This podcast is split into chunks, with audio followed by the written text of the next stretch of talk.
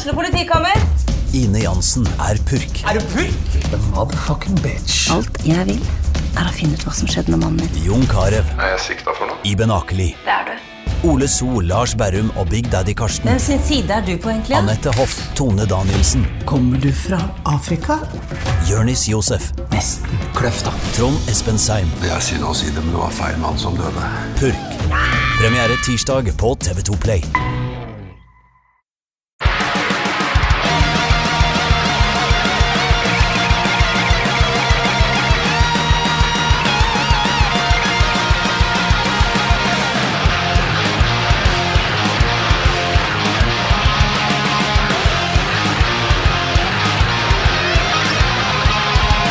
Hei, og velkommen til nok en episode av Debrif med Dag.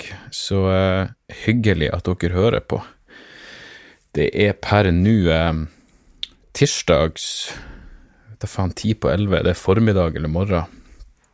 Jeg har uh, sovet skikkelig ut i dag, så uh, humøret er jo helt eksepsjonelt bra. Veldig lite å, å klage på her. Eh, nå er det mange som har skrevet til meg Vi må jo starte med den jævla humorprisen, må ikke det? Er flere som har selvfølgelig har skrevet til meg og spurt hva jeg syns om eh, Syns om eh, Sigrid Bonde Tusvik eh, sin kritikk. Eh, før det så må jeg bare si akkurat det å slenge med kjeften er I går spilte vi inn eh, en episode av Dialogisk hvor eh, skribenten og forfatteren Bjørn Sterk var gjest. Og det var en bra samtale, den kommer vel ut i dag, tirsdag. Men jeg hadde tydeligvis slengt med kjeften om Bjørn Sterk og sagt at han var 19 år. Nå viste det seg at han var 40. Så det var jo helt feil. Og det er et eller annet det er, noe interessant lærdom i å bli, bli konfrontert med det at man bare har, har, slengt med kjeften. Det skjedde jo ideologisk tidligere. hva heter Kristine Jentoft, 'Coming Out Kristine'. Jeg hadde skrevet et eller annet i Aftenposten, og så slang jeg med kjeften i dialogisk, og innrømte i ettertid at jeg gikk kanskje litt for hardt ut. Jeg hadde ikke helt, uh, helt tatt inn over meg budskapet i det han eller hun prøvde å si. Så da sa jeg bare la oss få han eller hun inn som gjest, og så, så gjorde vi det. Og så hadde vi en prat, og Kristine og jeg ble jo på ingen måte venner. Vi har ikke tatt en halvliter i ettertid, men vi prøvde i det minste å snakke ut om våre uenigheter. Og uh, det er et eller annet interessant når du bygger deg opp, uh, ikke nødvendigvis et fiendebilde, men en forestilling om hvordan noen er i ditt hode, så kan det av og til være interessant å uh, måtte forholde seg til et virkelig menneske. Så, humorprisen, den gikk jo av stabelen på, på fredag, og jeg fikk prisen for årets sceneshow. Jippi for meg. Uh, og så var, det, så var det fest. Nå skal det sies, jeg, jeg må slutte med den kombinasjonen kombinasjon hard drikking og fuckings kaloritelling og alt det der, for jeg var jo faen meg hjemme til midnatt. Dama mi sa faktisk til meg jeg likte deg bedre dag da du var smellfeit og ikke kom hjem fra festen før dagen etterpå. Så det er jo absolutt noe å, å vurdere, men det som selvfølgelig kuppa hele jævla oppmerksomheten til, til prisen, var jo Sigrid Bonde Tusvik sine kronikk i Dagbladet eh, samme kveld eller dagen etterpå, jeg husker ikke helt, jeg tror i hvert fall hun skrev den eh, samme kveld, hvor hun var i harnisk over det faktum at eh, ing, ingen kvinner vant en pris. Og jeg har vel stort sett, stort sett blant komikere sett eh, støtte til det hun skrev, som, eh, som jeg syns er merkverdig, for å være helt ærlig. For jeg skjønte bare ikke hva Sigrid ville med det hun skrev, utover det å ventilere ren frustrasjon. Nå er det for så vidt ikke noe, noe galt i det, men jeg syns det var en del eh, rare slutninger og, eh, og selvmotsigelser i, eh, i, det hun skrev. For det første, når hun påpeker at ingen dame vant, så skriver hun Hva faen skjedde nå, gutta? Gutta. Nå var det 16 stykker i humorprisjuryen, seks av dem var kvinner. Så hun kunne i det minste skrevet Hva faen skjedde nå, gutta og jenter?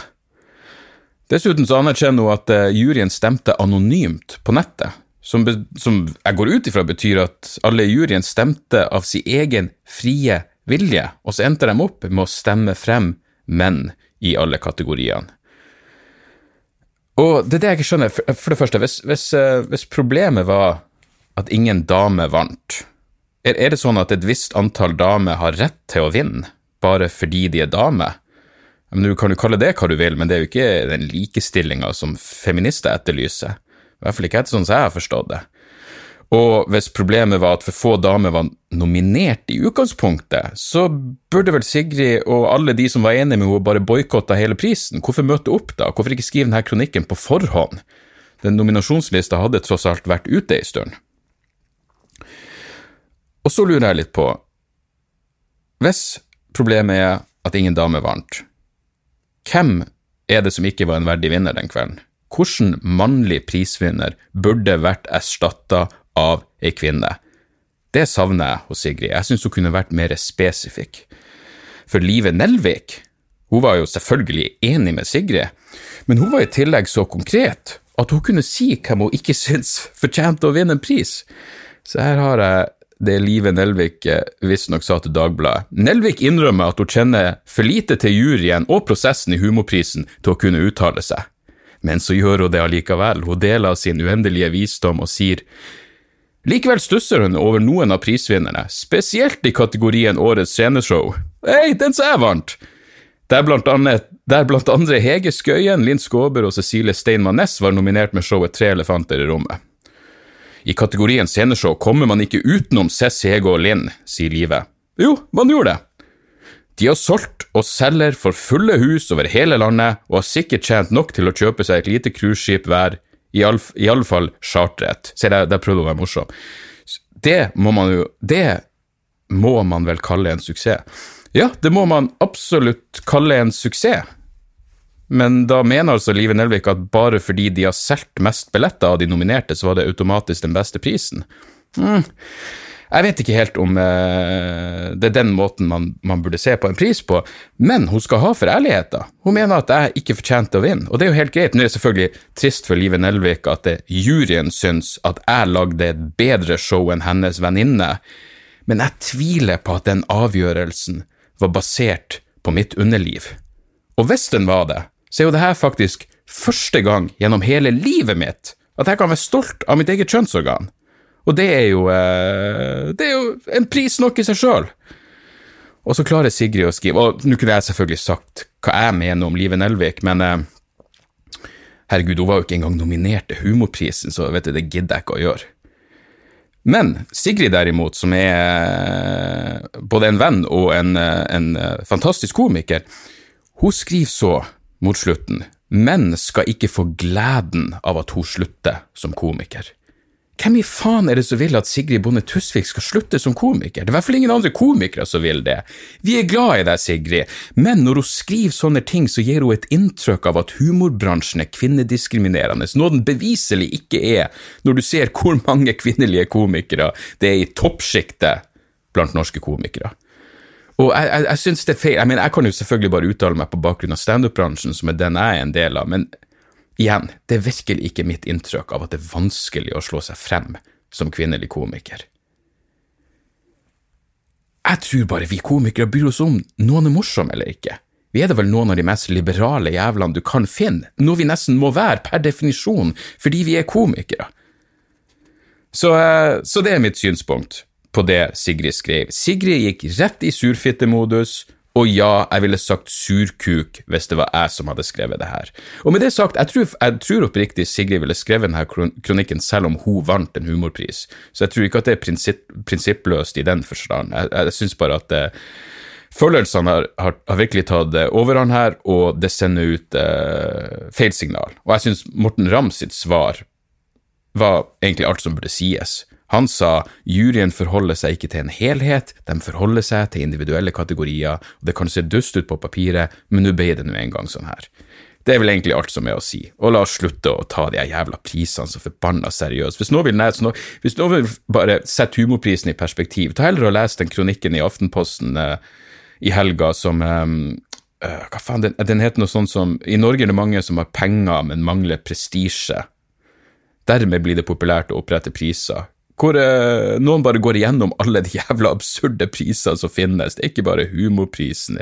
Det er Brage, det er Hedda, det er P3 Gull, det er Lytterens romanpris, det er bokhandlerpris, det er faen meg det er egne priser for kommuner. Hva faen var det? Uh, potetprisen og Magnetprisen, årets Volkswagen-forhandler. Altså, det er så jævla mye priser der ute.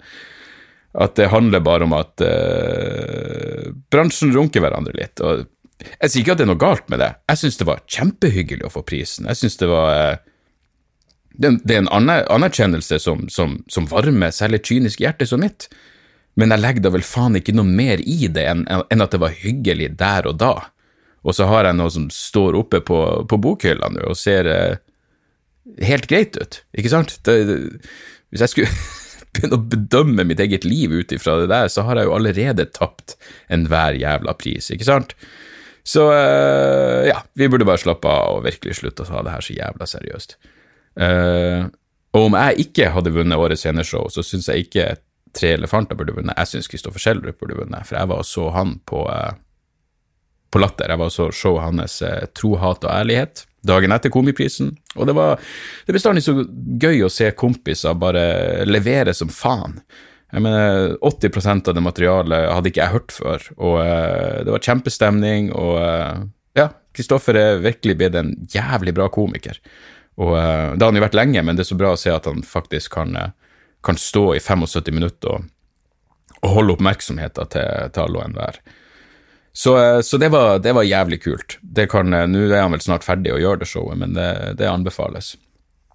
Selv så jeg sto på uh, humorsalongen i helga, fikk testa ut noen nye greier. Jeg tror faen meg nå Ja, jeg vet ikke. Jeg, det, jeg har noen nye ting nå som, som, begynner å bli bra, som jeg virkelig har fått uh, Som har fått bein å gå på.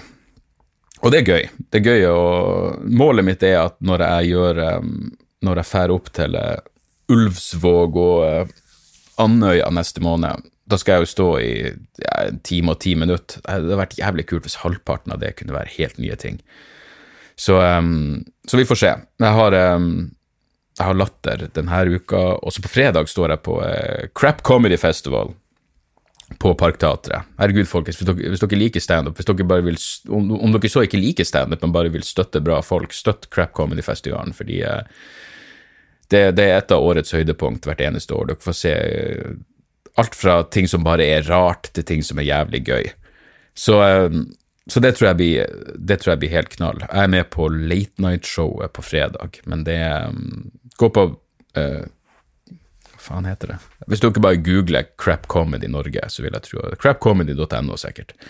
Så vil jeg tro at dere finner um, all informasjon dere trenger. Det er i hvert fall uh, kjernefolk som, uh, som driver festivalen, og masse bra folk som står folk av begge kjønn. Begge kjønn. Av alle kjønn. Eh, så, så det blir eh, Det blir knall. Jeg har faen meg De siste dagene så har jeg bare jeg, jeg, får sånn av og til at jeg bør bli helt oppslukt i én ting, og så forsvinner jeg ned i det jævla kaninholdet eh, og glemmer av at verden eksisterer. Og min besettelse de siste dagene har vært The Golden State Killer. Uh, jeg kjøpte uh, Golden State Killer var en uh, Eller er, han lever fortsatt. hvis det viser seg at de har tatt den riktige. mannen. han, han begynte som Hva de kalte han? The East Bay Strangler, og så og så hvor han bare for rundt Nei, The East Bay Rapist. hvor han bare for rundt og Det var bare en person som prøvde seg inn hos folk og hadde noen horrible overfallsvoldtekter. Rundt 50 stykker eller noe sånt. Og så ble han nesten betatt. Noen av ofrene hans kom, slapp unna. Og da dro han til en annen del av California og begynte å drepe. Uh, og da kalte de han The Original Night Stalker. Og så tok det lang tid før de skjønte at hei, faen, de her to uh, forbrytelsesbølgene er faktisk begått av samme person. Så jeg vil, jeg vil nesten ikke røpe, for det er en fascinerende historie. Men jeg har hørt på, jeg har hørt på uh, podkastserien Evil Has a Name som Audible har gitt ut. Og eh, Nå har ikke jeg hørt veldig mye true crime, men jeg hører på Sword and Scale av og til, og jeg har selvfølgelig hørt alt det der Serial og, og Darktown, eller hva faen det In the Dark. Jeg har hørt flere av de ene true crime-seriene, uh, men Evil Has a Name er uten tvil min favoritt så langt. Jeg hører også på den uh, den nye til Monster om uh, Eller den heter Monster Zodiac Killer. Som også virker, virker bra. Eh, problemet med, med, å høre på Zodiac Killer-podkasten er at det hele tida kommer sånn reklameinnslag. og jeg, Kanskje jeg nevnte det sist gang, men det er så jævlig irriterende å, å liksom komme inn i det som er produsert som en bra lydbok, og så kommer det plutselig reklame. Fordelen med Evil As A Name er at det er audible, så det er ikke noe jævla reklame. Mens jeg hørte på Evil As A Name, og så har de også en, eh, en, eh, dokumentarserie på Amazon Prime som, av de samme folkene, og så har jeg begynt på uh, I'll Be Gone In The Dark, som er Michelle McNamara sin bok om The Golden State Killer. Hun var jo kona til Patton Oswald, som som, eh, som, var besatt av denne saken. Hun nevnes også i podkasten som en av, de, en av etterforskerne. Eh, Michelle McNamara kontakta han og ville skrive en eh, ville skrive en artikkel om The Golden det, Hun ga navnet The Golden State Killer. Um, og så ville hun skrive en artikkel om det bare for at folk skulle bli bevisst på hvor jævlig alvorlig alle de overgrepene og drapene faktisk var, og at en person fortsatt går fri. Uh, og han, etterforskeren innså umiddelbart at faen, hun her vet jo like mye om meg, en, like mye, nesten like mye som meg om saken, så han begynte å gi henne konfidensiell informasjon og alt der. Og det tragiske var jo at hun døde jo før hun klarte å gjøre ferdig boka, som også betyr at hun døde ikke lenge før morderen ble tatt. Jeg mener, DNA-bevis tyder på at de har den rette mannen som nå sitter, sitter og venter på rettssak. Uh, og hvis dere, går, hvis dere, bare går på, uh, på, YouTube og slår inn Golden State Killer, så vil dere finne opptak fra rettssaken hvor han her fyren blir rulla inn, uh, inn, i rullestol. Men når du hører på Evil As A Name, så hører du at naboene hans sier at rullestol De holdt på å flire seg i hjel når de så det. Han var jo dritsprek. Han får jo sykla rundt bare noen dager før han blir arrestert. Så, så ja. Men poenget mitt er jævlig, jævlig fascinerende sak. og uh, og, og, boka virker fantastisk, men, den, men den er akkurat starta på. Men den Evil Has a Name-podkasten Det er jo en lydbokserie, det er 13 episoder. Virkelig verdt å sjekke ut hvis dere er interessert i, i true crime. Jeg ble i hvert fall så, så inn i helvete sugd inn i det. Uh, og jeg har jo jeg har en masse bøker Altså, jeg begynte jo å lese bøker om seriemordere da jeg var uh, jeg vet faen, jeg må ha sikkert vært i 16-årsalderen og leste jo om alle klassikerne, Jeffrey Dahmer Jeg husker jeg leste den boka som heter The Last, Vic The Last Victim, som de lagde en, en ræva filmatisering av, men hvor det var en ung En ung mann Å, det her må jeg bare fuckings ta på sparket. Jeg mener han heter Jason Moss. The Last Victim. Jeg skal bare google det, for den boka er så jævlig verdt å sjekke Jason Moss het han, ja. Jason Moss var eh, en ung, eh, over gjennomsnittlig intelligent amerikansk tenåring som jeg tror kjeda seg en del, og så begynte han bare å korrespondere med seriemordere. John Wayne Gacy Han endte opp med å treffe John Wayne Gacy, som prøvde å angripe han i avhørsrommet. Han, han, han, han, sendte brev til Charles Manson, som ikke er en seriemorder, men han sendte brev til Jeffrey Dahmer. Sendte han sånn skisse på hvordan Jeffrey Dahmer hadde lyst til å lage et sånt um, et sånn alter av eh, menneskerester. Eh, fascinerende bok. Eh, men jeg husker til og med når jeg leste den, selv om jeg var veldig ung, når jeg leste den, så tenkte jeg sånn faen, han her fyren virker Han tenårings... Han Jason Moster virker som Ja, jeg, jeg, vet ikke om han har det bra med seg sjøl. Um, og så på slutten av filmen så kom det vel opp til minne om han som Han endte opp med, med å ta livet av seg. Men uh, den, den, boka er jævlig interessant. Poenget mitt er det var, det var den boka som virkelig gjorde at jeg ble oppslukt i, i seriemordere, utover det å bare se filmer mer eller mindre basert på seriemordere. Så um, Men så har den interessen uh, forsvunnet litt. Stine Marie på på iStage. Hun, eh, hun, er også veldig interessert i seriemordere. Så hver gang jeg treffer henne, så har vi en eller annen seriemorderprat. Men, men akkurat nå med Golden State Killer så er det første gang på lenge hvor jeg bare ble helt sugd inn i en spesifikk, uh, en spesifikk sak, eller en spesifikk person. Så um, ja, det, det, gjorde nesten at jeg følte meg ung igjen. Jeg fant min egen, min gamle vitalitet i uh, den her horrible jævla serievoldtektsmannen og, og morderen. Han hadde en sånn greie han gjorde hvor han tok Han likte å Det var åpenbart at her handla det om en egen følelse av mindreverdighet, hvor han, han, han likte å gå inn i, i, hus hvor både mann og, mann og kone var, var, hjemme, og så ble han en bitte fast mann, og så satt han eh, asjetter på ryggen hans. Og så sa han hvis jeg hører at asjettene ramler, eller at det blir noe bråk, hvis ikke du ligger helt stille, så kommer jeg inn her og dreper deg, og jeg dreper kona di.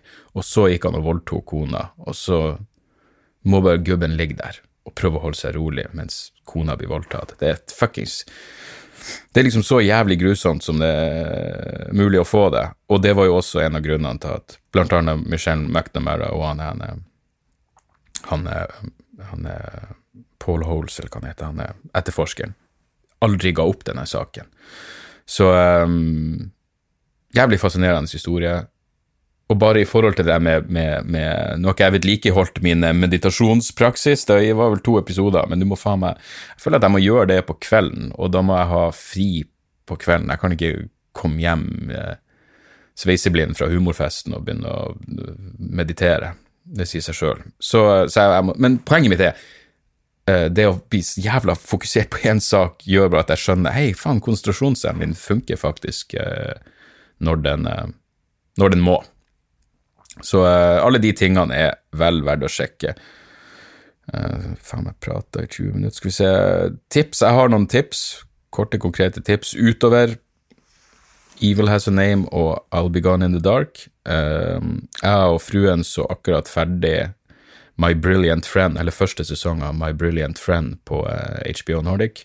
Veldig bra italiensk serie. Koselig, selv om det som foregår egentlig ikke er koselig i det hele tatt. Så var det trivelig serie. Jeg likte den. Av og til er det faen meg så digg å se noe annet enn det som er, kommer fra, fra Hollywood, selv om, selv om jeg elsker det også. Men det, det, var bare noe annerledes. My Brilliant Friend på, på HBO er ja, vel verdt å sjekke. Um, nye skiver til Spider-God.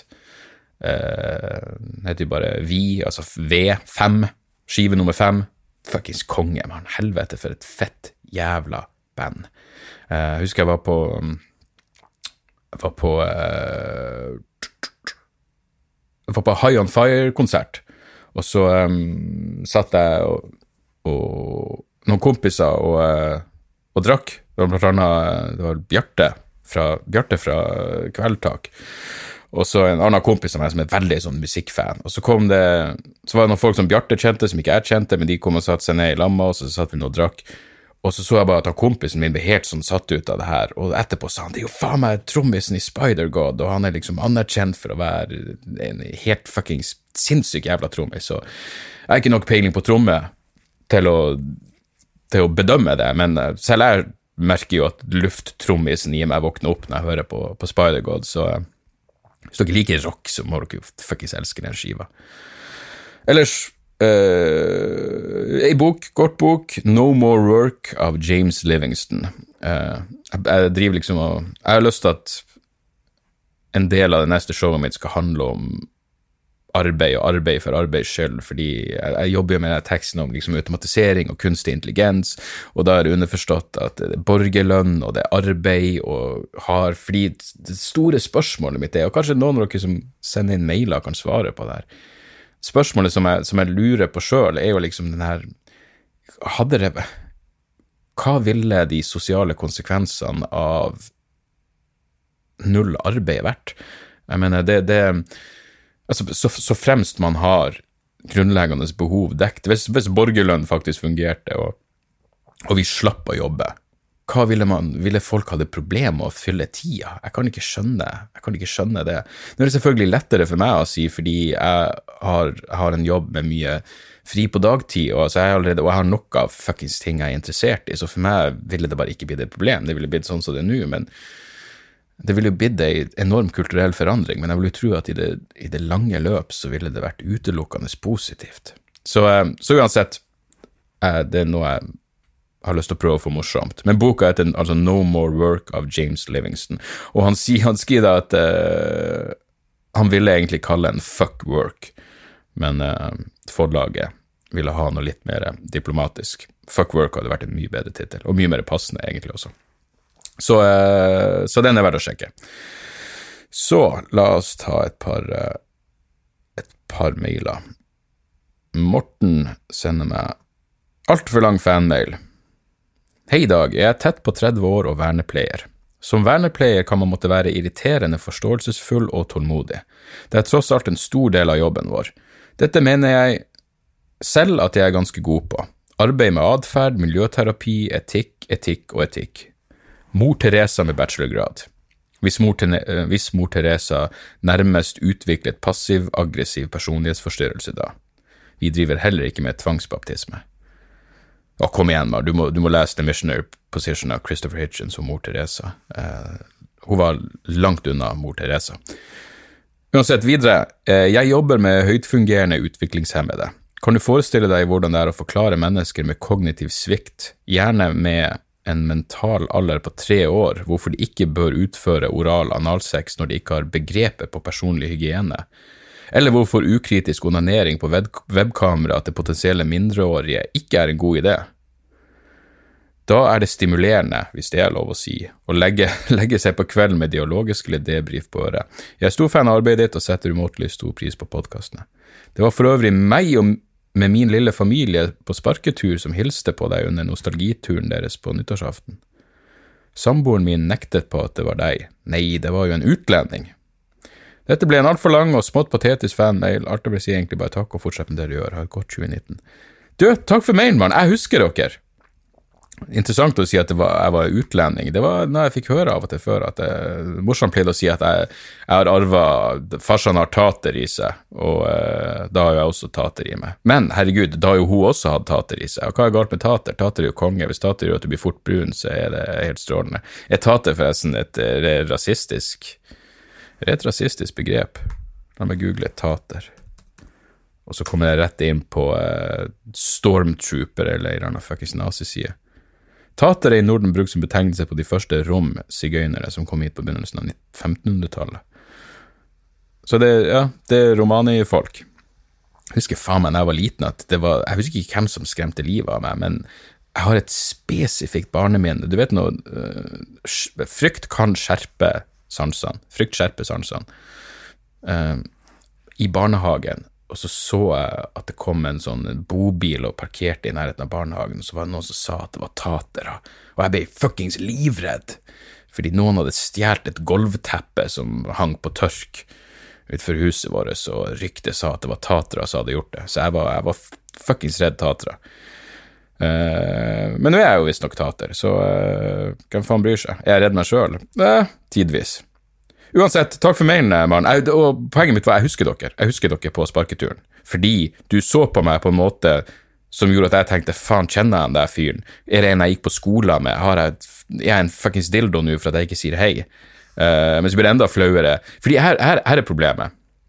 Hvis jeg sier, hvis jeg syns noen i Narvik ser på meg og jeg tenker faen, kjenner jeg han fyren, og ikke sier hei, så blir jeg en, eh, en, overlegen dildo. Men hva hvis jeg bare sier hei uten at de kjenner meg, men de bare kjente meg igjen? Da virker jeg som en arrogant faen, fordi hvem er jeg til å si hei til noen jeg ikke kjenner?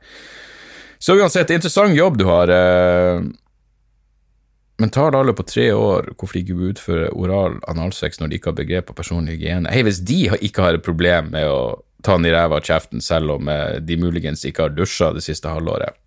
Hva er problemet? Så, eh, men uansett, ja, interessant jobb, eh, og, og takk for, takk for mailen. Var det noe mer? Yngve, takk for god underholdning og et spørsmål. Yngve skriver må, må bare få starte med å takke for super underholdning, alt fra standupen, debrief og dialogisk, bla, bla. Perfekt underholdning når man går til og fra jobb. Har fulgt begge podkastene fra start, har vært godt selskap av dialogisk på høyttalerne i bilen når man har kjørt fra jobben i Stockholm og opp til Tromsø. Det er faen meg en lang tur. Eh, så sier han hyggelige ting, og så har jeg et spørsmål også. Lurer litt på om det er enkelte plasser i Oslo-området du anbefaler å dra for å se nye standup komiker, eller hvor det er vanlig at det prøves ut nytt materiale. Skal ned første helgen i februar med en kollega, og begge ønsker å få med oss noe standup. Vel, eh, Dattera til Hagen, Prøverøret, har show hver onsdag. Eh, det anbefales. Der er hele konseptet at man skal teste nytt materiale. En av mine favorittklubber. Uh, ellers er det jo uh, Det er vel den jeg vet som er spesifikt for å teste nytt materiale. Humorsalongen som jeg har stått på, men der er det ikke show så regelmessig. Det er på Edderkoppen. Josefine uh, har standup hver torsdag.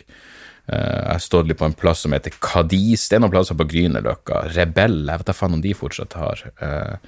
Så, så, det er litt det er litt å velge i der. Men hvis du spesifikt vil høre nytt materiale, så er prøverøret på Dattera til Hagen på onsdagene eh, plassen å være. Så, og takk for at du hører på, Yngve. Så Kasakhstan. Hei, Dag. Takk for flott podkast. Debrif. Uh, han påpeker hvilken podkast han snakker om. Uh, det har seg sånn at jeg for flere år siden bestemte meg for å dra til Kasakhstan, siden det virket som et gøyalt og rart sted litt utenom det vanlige. Jeg har de siste par årene jobbet hardt med å overtale fruen til å bli med dit, og få henne med og å få henne med til å innse at det er et interessant og trygt reisemål. Det har vært mye nøling og utsettelser, men i høst fikk jeg henne endelig med på å sette seg ned for å bestille flybilletter til Almaty. Dette passet jo perfekt med at du skulle akkurat til Almaty i, sammen med Latterlig Smart, i forbindelse med Latterlig Smart-serien. Da kunne jeg jo Jeg bare lurte på hva IFM, i forbindelse med, er det vel. Da kunne jeg jo eh, vise at se her, dette er jo bare et snilt og hyggelig sted, det er ikke noe farlig med å dra til Kasakhstan. Når temaet var pest og svartedauden, så så jeg på det kun som et søtt, antikvarisk fenomen som bare gjorde reisemålet enda mer eksotisk.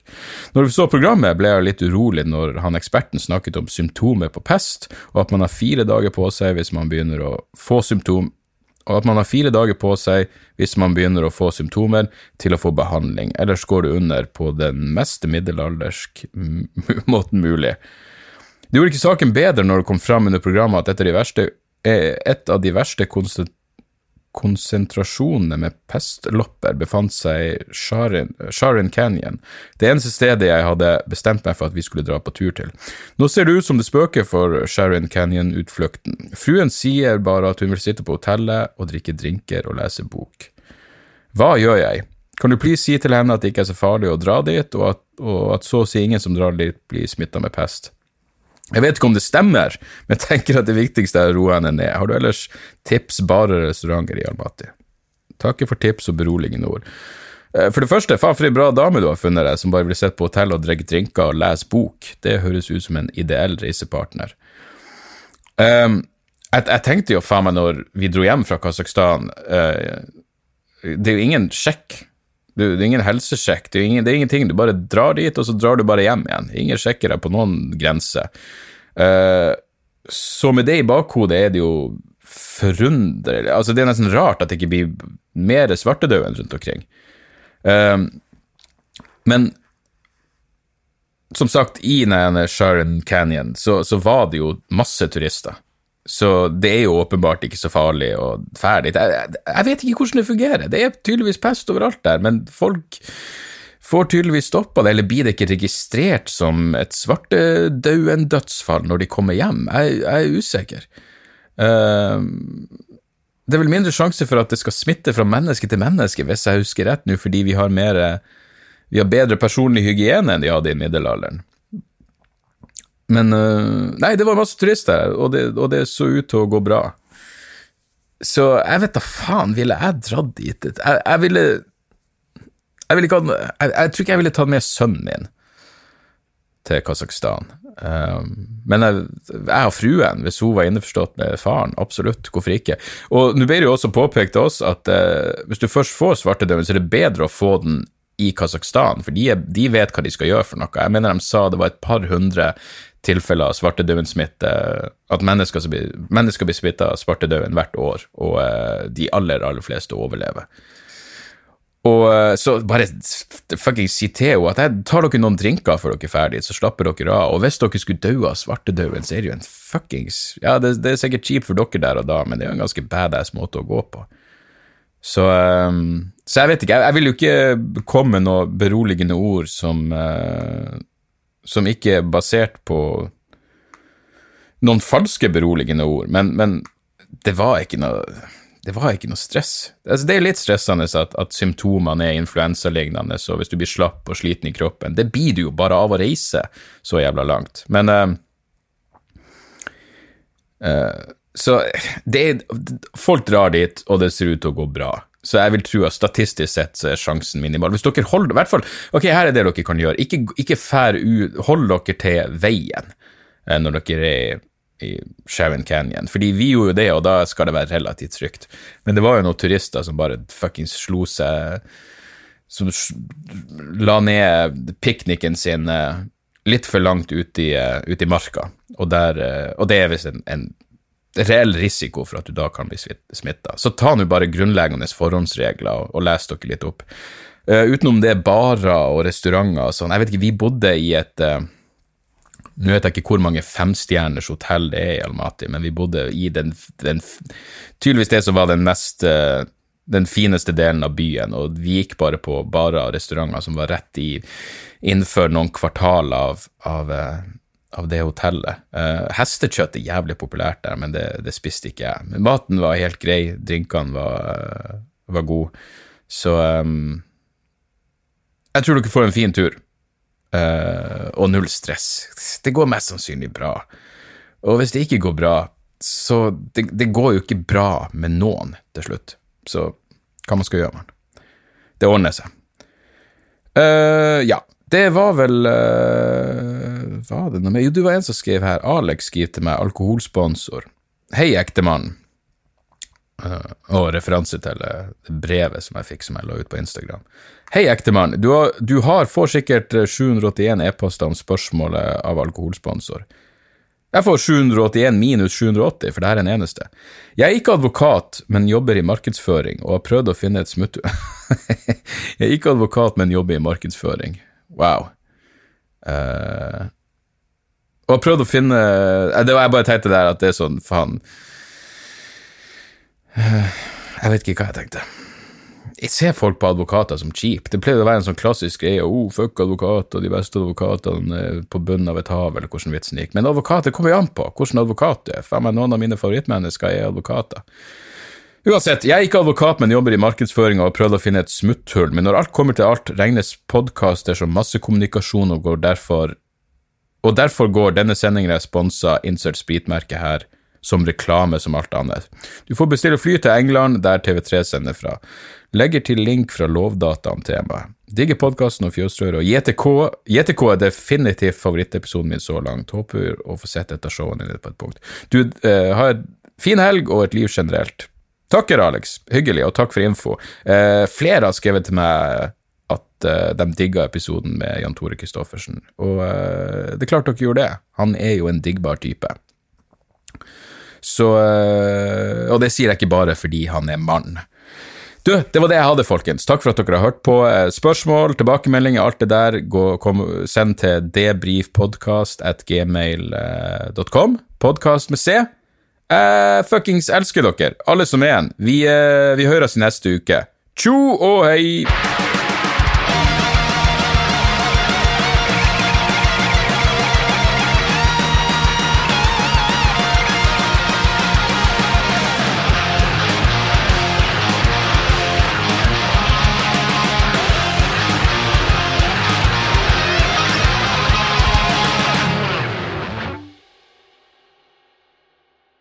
Har du et enkeltpersonforetak eller en liten bedrift? Da er du sikkert lei av å høre meg snakke om hvor enkelt det er med kvitteringer og bilag i fiken, så vi eh, gir oss her, vi. Fordi vi liker enkelt. Fiken superenkelt regnskap.